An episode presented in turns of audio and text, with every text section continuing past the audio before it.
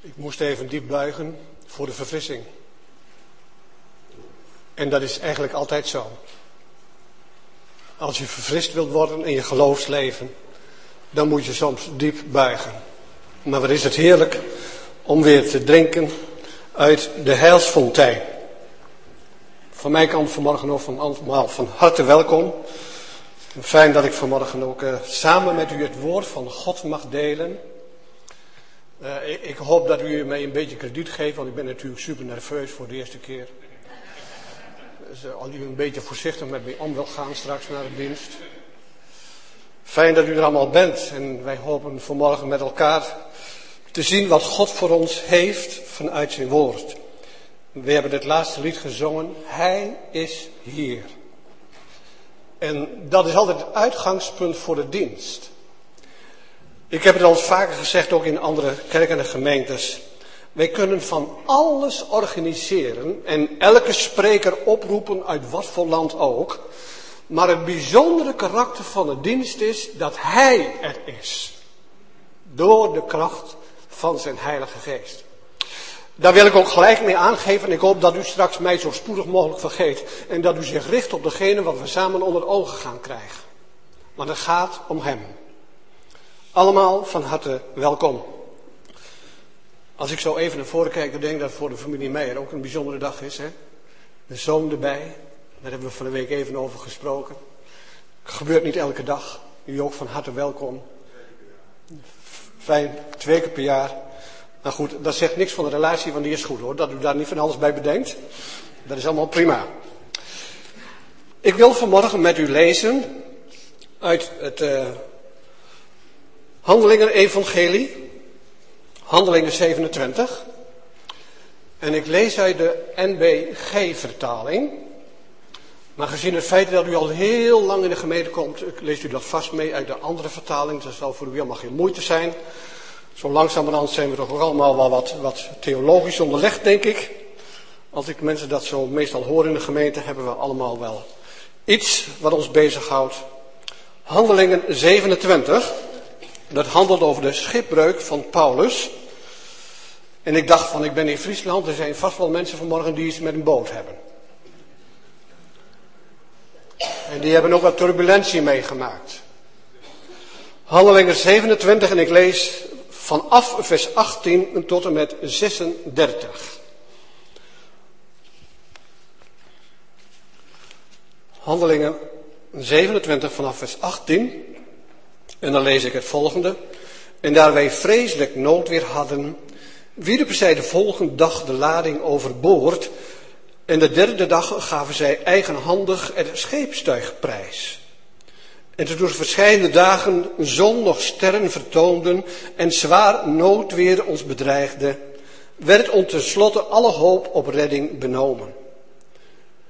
En nadat zij lang zonder eten waren gebleven, ging Paulus in het midden staan en zeide, mannen, had men maar naar mij geluisterd om niet van Kreta weg te varen en zich dit ongerief en deze averij te besparen. Maar ook nu wek ik u op moed te houden, want het leven van niemand uwer zal verloren gaan, alleen maar het schip. Want deze nacht heeft een engel van God, wie ik toebehoor en die ik vereer, mij bijgestaan. En hij heeft gezegd, wees niet bevreesd, Paulus, want gij moet voor de keizer staan. En zie, allen die met u varen, heeft God u geschonken. Daarom, mannen, houd moed. Want dit vertrouwen heb ik op God dat het zo zal gaan als mij gezegd is. Maar we moeten op een of ander eiland stranden. Toen nu de veertien nacht was aangebroken dat wij in de Adriatische Zee rondzwalkten, vermoedde het scheepsvolk midden in de nacht dat er een land naderde. En zij peilden met het lood twintig vadem en iets verder peilden zij vijftien vadem. Voor degene onder ons die uh, behoefte heeft om dat te weten wat het inhoudt. Een vadem is 1,85 meter. En voor een hele snelle rekener, dan kom je op 37 meter en op 28 meter. Dan heb je ongeveer idee wat de diepte van dat moment was. Doch toen het scheepsvolk uit de schip trachtte weg te komen en de sloep ter water liet onder voorwendsel dat zich van het schip ankers wilde uitbrengen, zeide Paulus tot de hoofdman en zijn soldaten, Indien zij niet aan boord blijven, kunnen zij niet gered worden. Toen kapten de soldaten de touwen van de sloep en lieten haar in zee vallen. En tegen dat het dag zou worden, spoorde Paulus hen allen aan voedsel te nemen en zeiden, het duurt nu reeds veertien dagen dat gij mij blijft afwachten zonder eten en niets genuttigd hebt. Daarom spoor ik u aan voedsel te nemen, want dat is goed voor uw redding. Want niemand uwer zal ook maar een haar van zijn hoofd gekrenkt worden. En terwijl hij dit zeide, nam hij het brood, dankte God in alle tegenwoordigheid, brak het en begon te eten. En allen werden goedsmoeds en nurgden eveneens voedsel. Tot zover de schriftlezing, de hoofdschriftlezing moet ik zeggen. Ik heb vanmorgen gekozen voor een thema wat denk ik in deze tijd heel actueel is. En ik zal over het thema zelf niet al te veel zeggen. Ik wil er straks wel even iets van zeggen. Want het is waarschijnlijk, zeer waarschijnlijk al tot in het diepste van uzelf doorgedrongen wat het betekent. Een thema wat ik voor deze morgen gekozen heb. Waar vind ik hou vast in een crisis? Waar vind ik hou vast in een crisis? En er is de laatste tijd veel over gesproken in vele kerken, op vele symposium. Vorige week vrijdag ben ik zelf ook nog een symposium geweest over geld en over de geldcrisis. En als je zoveel geld hebt als ik, dan moet je ze nu dan wel bij de les blijven, want ik heb er genoeg van. Dus dan ga je eens kijken wat je met je geld moet doen.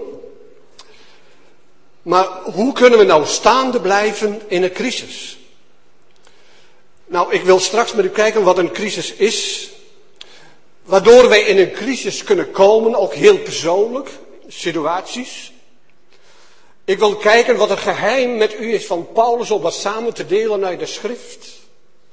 Ik wil graag uit de schrift u vier ankers aanbieden, vier ankers.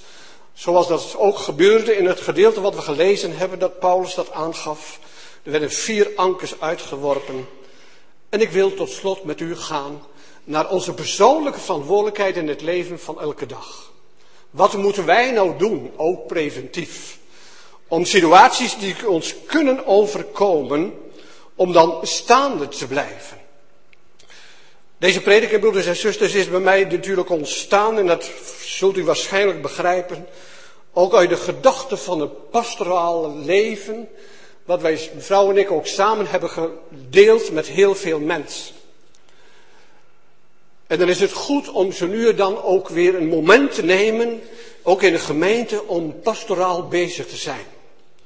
Ik hoop van ganser harte als straks u de boodschap van de Bijbel heeft geraakt, dat u dan alle ruimte neemt om straks naar het pastoraat te gaan en daar samen met broeders en zusters te gaan bidden. Maar als eerste wil ik even iets zeggen over de persoon die, dat, die dit gedeelte aan ons doorgeeft. Het is Lucas die het geschreven heeft. Maar ik word altijd gefascineerd als ik de Bijbel lees over de persoon van Paulus.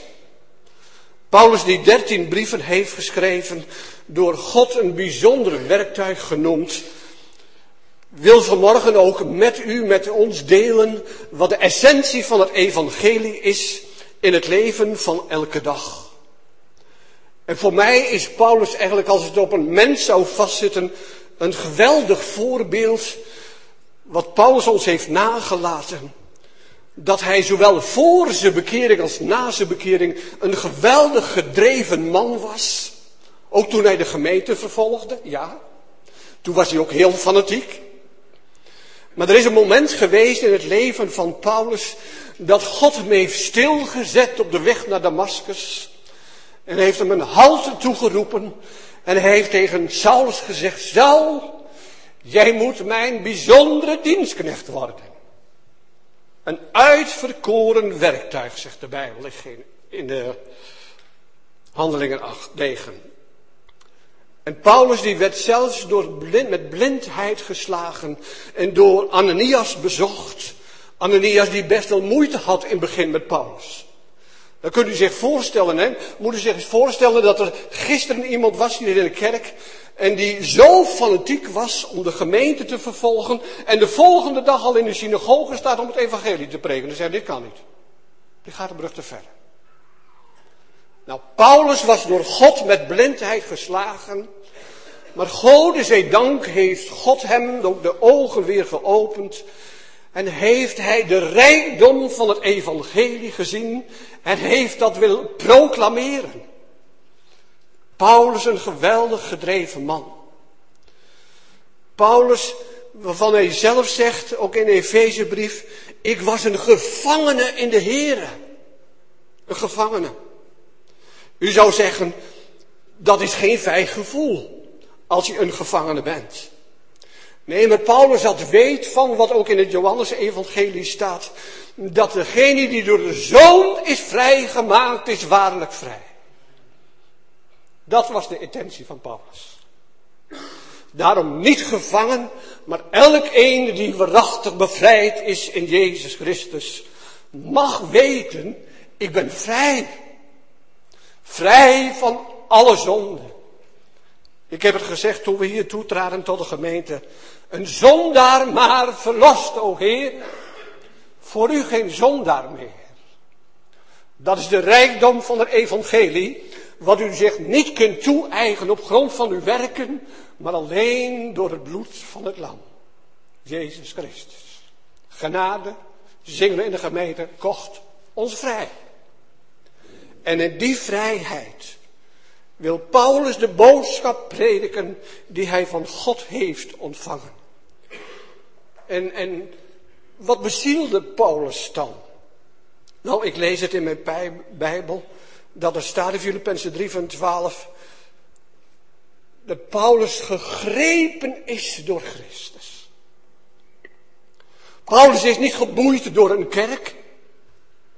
Maar Paulus is geboeid door de persoon van Jezus Christus, die hem op de weg staande hield en tegen hem zegt, Saul, Saul, waarom vervolg gij mij? Niet de gemeente, maar mij.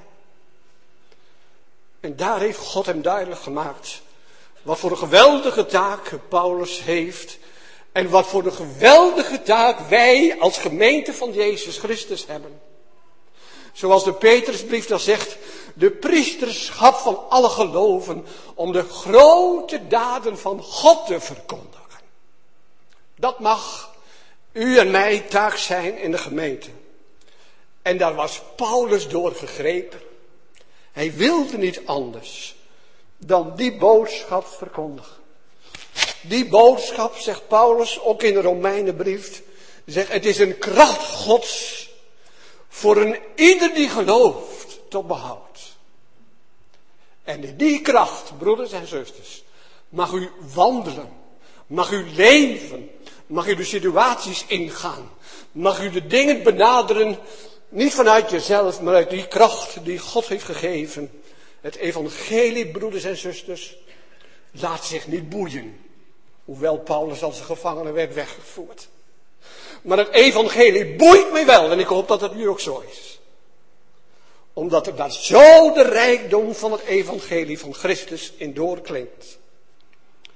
Het is een kracht Gods voor een ieder die gelooft. Dat is wel de voorwaarde.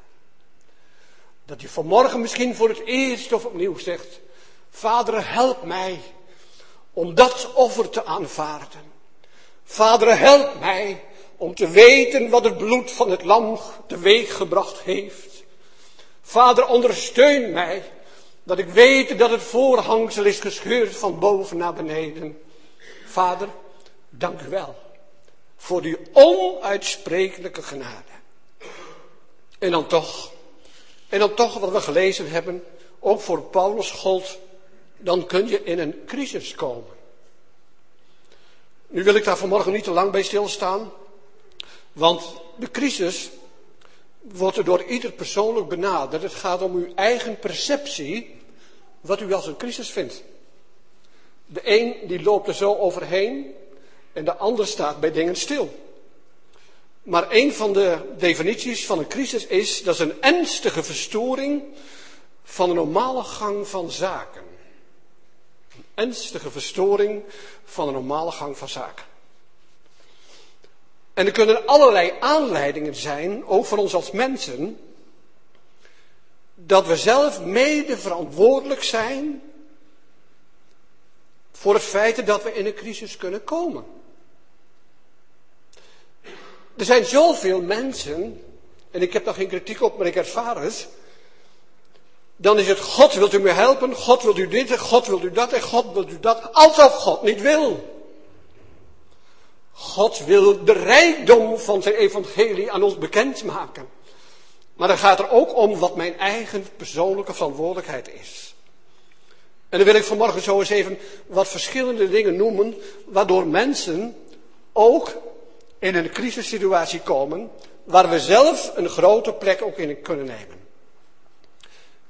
Het crisissituatie door het eigen toedoen. Als ik de Bijbel lees, want de Bijbel is goud eerlijk en de Bijbel geeft ons zoveel dingen aan, die verzwijgt dat niet. Als ik een van de dingen benoem vanmorgen, dan kent u dat vast uit richting van Simson. Simson die een geheim had ontvangen van God, dat hij zijn haar niet mocht laten afknippen, was zo gefocust op die ene vrouw, dat hij het geheim van God prijsgaf. Hij werd in beslag genomen door dat ene. Dat ene waar hij van hield, die zoveel bij hem teweeg had gebracht. Wat denkt u van David en Bathseba?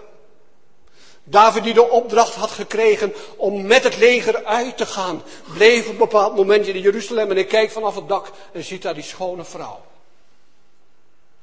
En wat gebeurt er dan allemaal? Dan komt zijn leven geweldig in onbalans. En David gaat zelfs zo ver dat hij meedoet aan macht en manipulatie. Want hij stuurt Uria naar de front. En dan gebeurt er van alles. Dat kind is ook later gestorven. Jacob, die samen met zijn moeder zijn vader bedroog. Moest vluchten voor Esau. Weet u, met een leugen ook om best wil komen wij nooit goed uit. Want de leugen, de vader van de leugen, is vanaf de beginnen geweest. En dan moeten we eigenlijk mijden. Een andere situatie kunnen we benoemen uit de Bijbel. Dat is de roeping van Jona. Dat wij een opdracht krijgen van God om het evangelie te verkondigen. En dat we vluchten voor de opdracht. En waar belandde Jona? Diep in het water. Wat een strijd.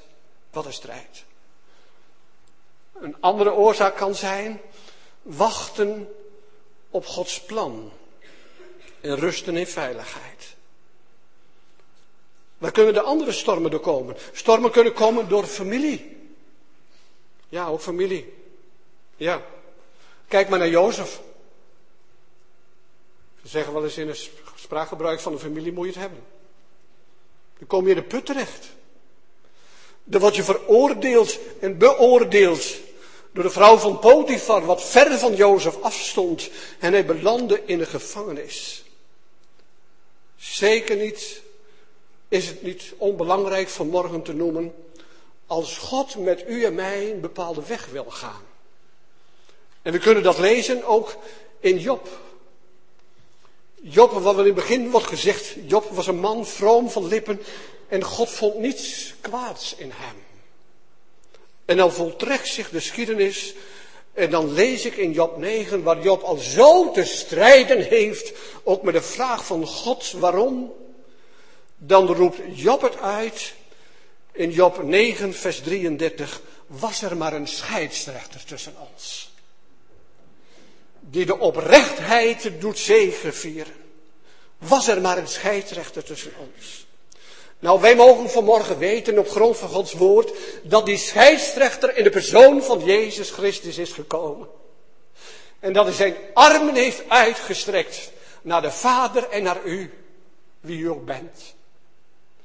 En gezegd heeft, ik hou van je, Vader, ik ben gekomen om uw wil te doen.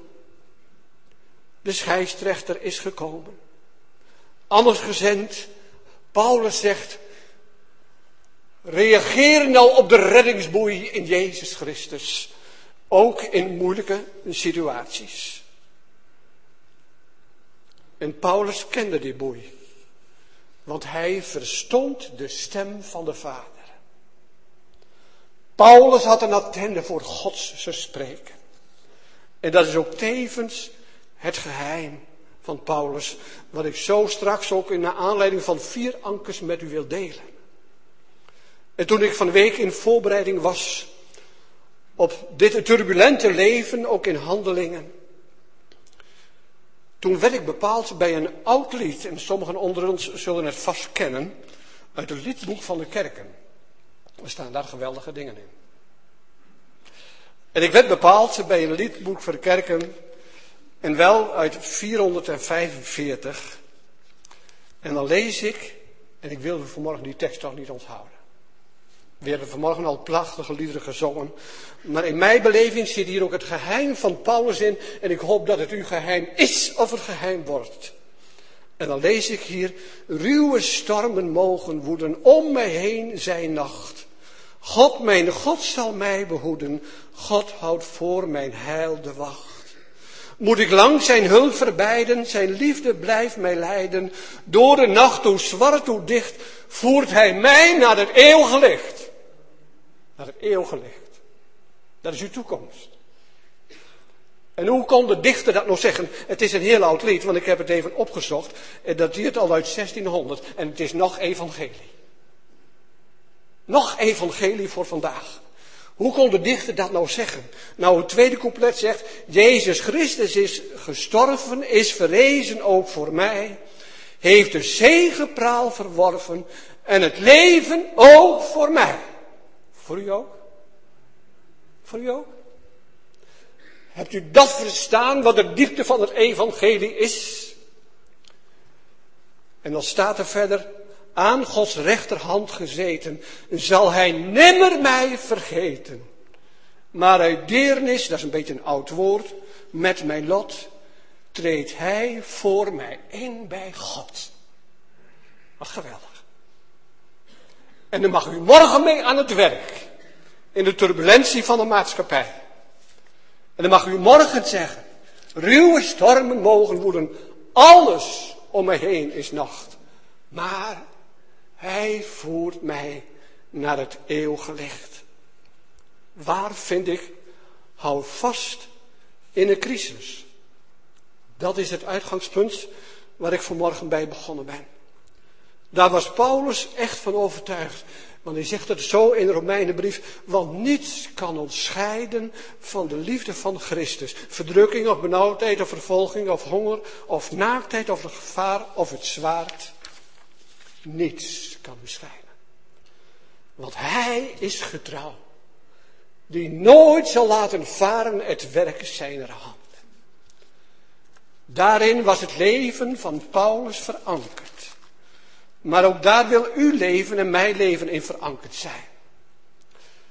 Als ik lees in de Hebreeënbrief, Hebreeën 6, waar er gesproken wordt over de volharding der hoop, dan lees ik daar op dat door twee onveranderlijke dingen, waarbij het onmogelijk is dat God liegen zou, weet u, dat is gelukkig dat God die beperking heeft. Hij kan niet liegen.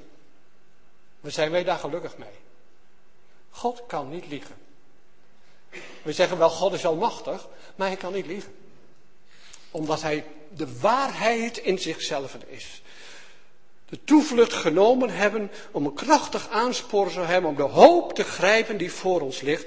En dan staat er in vers 19, haar hebben wij als het anker der ziel, dat veilig en vast is, dat reikt tot binnen het voorhangsel. Dat is God. Hij heeft ons meegenomen in die strijd. En dat is iets wat Paulus u vanmorgen ook wil laten delen vanuit die rijkdom. En dan kom ik vanmorgen natuurlijk ook bij het gedeelte wat we gelezen hebben. En Paulus die met de bemanning onderweg is geweest en de mensen gewaarschuwd heeft, die zegt dan ook in het gedeelte, mannenbroeders had men naar mij geluisterd. Maar ze hadden waarschijnlijk de beleving dat er mensen aan boord waren die meer kennis hadden van scheepvaarten dan Paulus. En ze kozen een eigen koers. Had men niet van Kreta weggevaren dan hadden we dit ongerief kunnen besparen.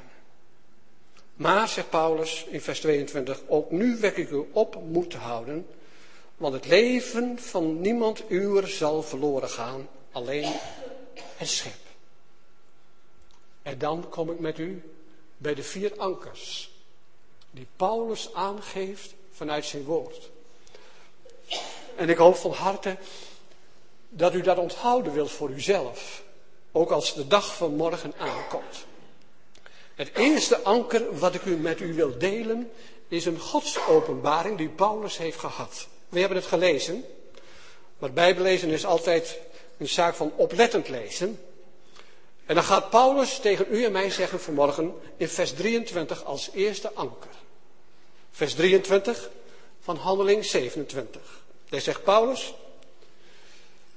Maar ook nu ik u op moeten houden, want het leven van niemand u zal verloren gaan, alleen maar het schip. Want, want.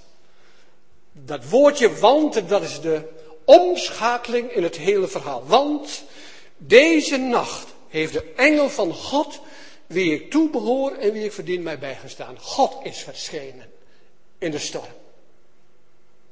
Hij is erbij. God zegt, ik laat je niet alleen, Paulus. Want je bent mijn kind, ik hou van je.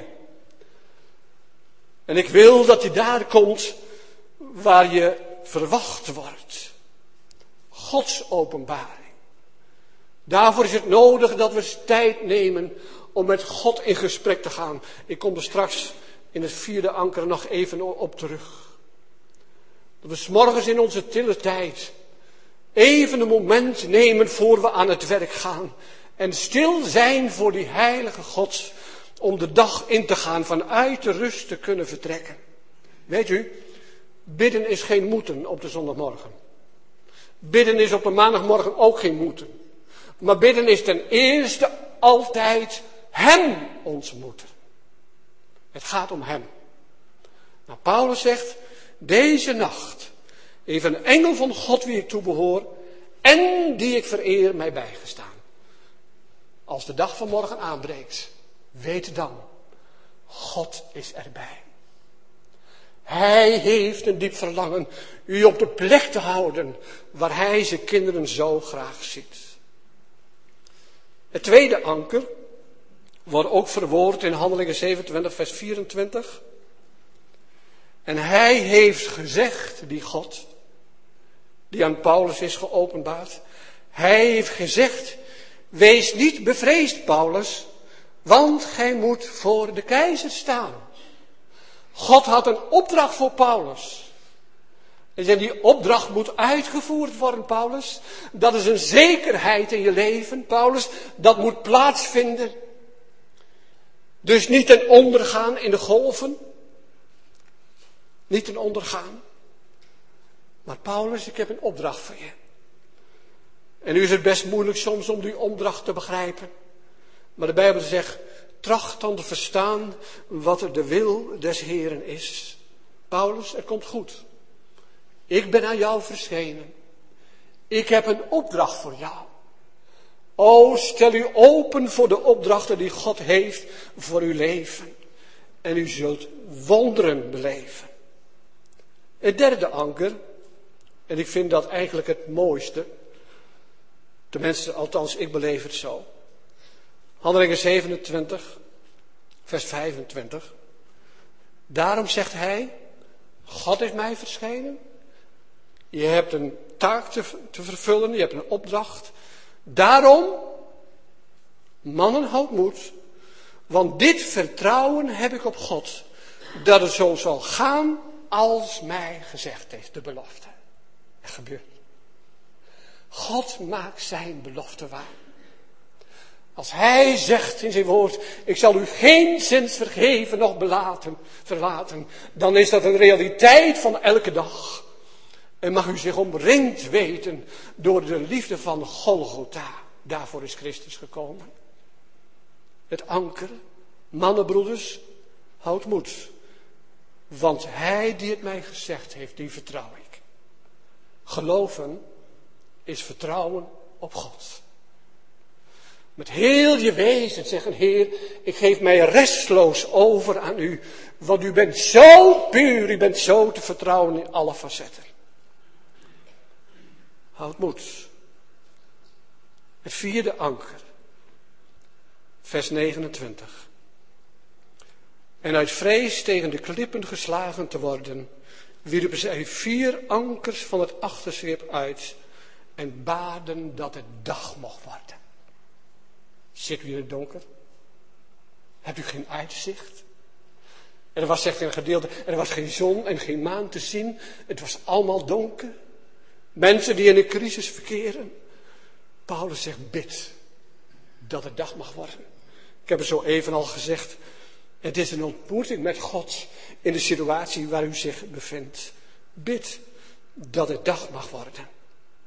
Vanavond, voor het eerst weer, hebben we onze bidstond.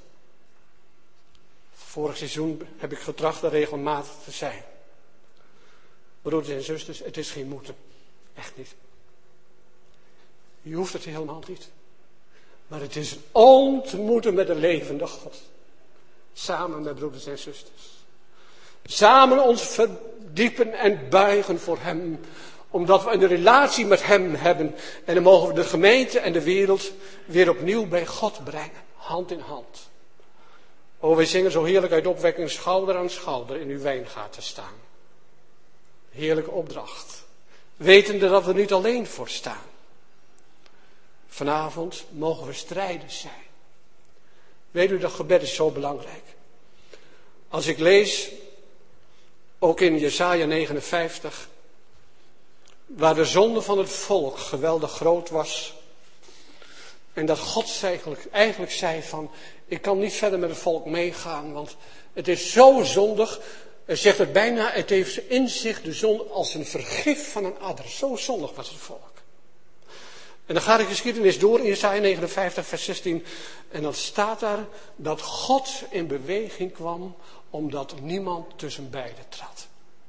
God kwam in beweging. In de oude statenverstaling dat, God kwam in beweging omdat er geen voorbidders waren. Wij mogen voorbidders zijn. Voor mensen. Met mensen. Door mensen gesteund en gesterkt te mogen worden. Bidstond, broeders en zusters, is niet een actie van de gemeente, maar bidstond is de kniologie van de gemeente, waar we ook de wereld bij God mogen brengen. We kunnen veel van de wereld vinden. Veel van de wereld vinden. Maar ik heb pas nog gezegd, ook in een andere setting, als we met de wereld over God willen spreken, is het belangrijk dat we eerst met God over de wereld spreken. Dat we daar beginnen en niet omgekeerd. Zo heb ik in het volgevlucht bij u de vier ankers benoemd. Gods aanwezigheid, Gods openbaring. Gods doel met het plan, met het leven van u. Mensen houdt moed, want God heeft gesproken en bidt dat het dag mag worden. Wat is dan onze verantwoordelijkheid?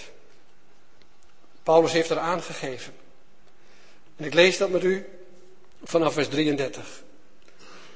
En tegen dat de dag zou worden, spoorde Paulus hen allen aan voedsel te nemen en zeide, het duurt nu reeds veertien dagen dat gij maar blijft afwachten zonder iets, zonder eten en niets genuttigd hebt.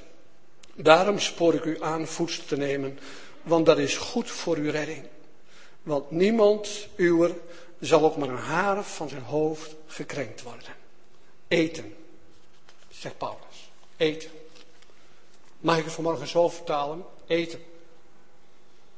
We hebben dinsdagavond weer de Bijbelstudie. Eten. Het levende woord van God. En ik moet zeggen, als u zich daarin verdiept.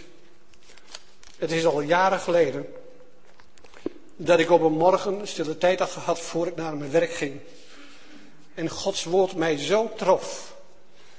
Dat ik onderweg, ik ging op een fiets naar mijn werk niet letterlijk, maar figuurlijk het woord tegen mij aangeduwd heb. Zeg, dank u wel. Voor dat woord. Dank u wel. Dat dat woord een praktijk in mijn leven mag zijn en wil zijn. Paulus zegt, eet nou. Neem tijd. Ik weet niet of jullie je kennen, maar ik ben vroeger grootgebracht met een kinderliedje. Want we hebben ook nog een keer een thema van groeien. En een kinderliedje zegt, maar het is nog steeds actueel, lees je Bijbel Bid elke dag. Als je groeien wilt.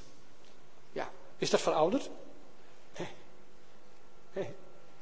Dat is nog steeds actueel. En daarom is de vraag, wil ik eten? Maar er gaat iets aan vooraf, er gaat een andere vraag vooraf. Niet alleen of ik eten wil, de vraag is of ik ook honger heb. En daar wil ik u een klein voorbeeldje van noemen, dan zal ik ook straks eindigen. Er is een broeder in Delcel, in het noorden van het land, die preekte daar een keer over en ik ben dat eigenlijk nooit vergeten. De broeder was niet zo jong meer en die was in de vakantie en hij zegt tegen zijn vrouw, we gaan in de vakantie een dag uw zuster opzoeken. En de zuster woonde helemaal in het westen. Dus ze gingen s morgens op een bepaalde tijd weg. En zeiden onderweg van, het is nu ongeveer zo laat, ik denk dat we een mooi restaurantje of iets dergelijks zoeken. En ze zagen een geweldig restaurant, een Chinees restaurant. En gingen daar eten met elkaar. De familie was beloofd dat ze in de namiddag bij hen zouden arriveren. Ze hebben heerlijk gesmuld met elkaar en zijn de reis vervolgd. Ze komen in de loop van de middag bij de desbetreffende afgesproken adres. Een kop koffie gedronken. En toen zei de schoonzuster, ik wil jullie straks verrassen.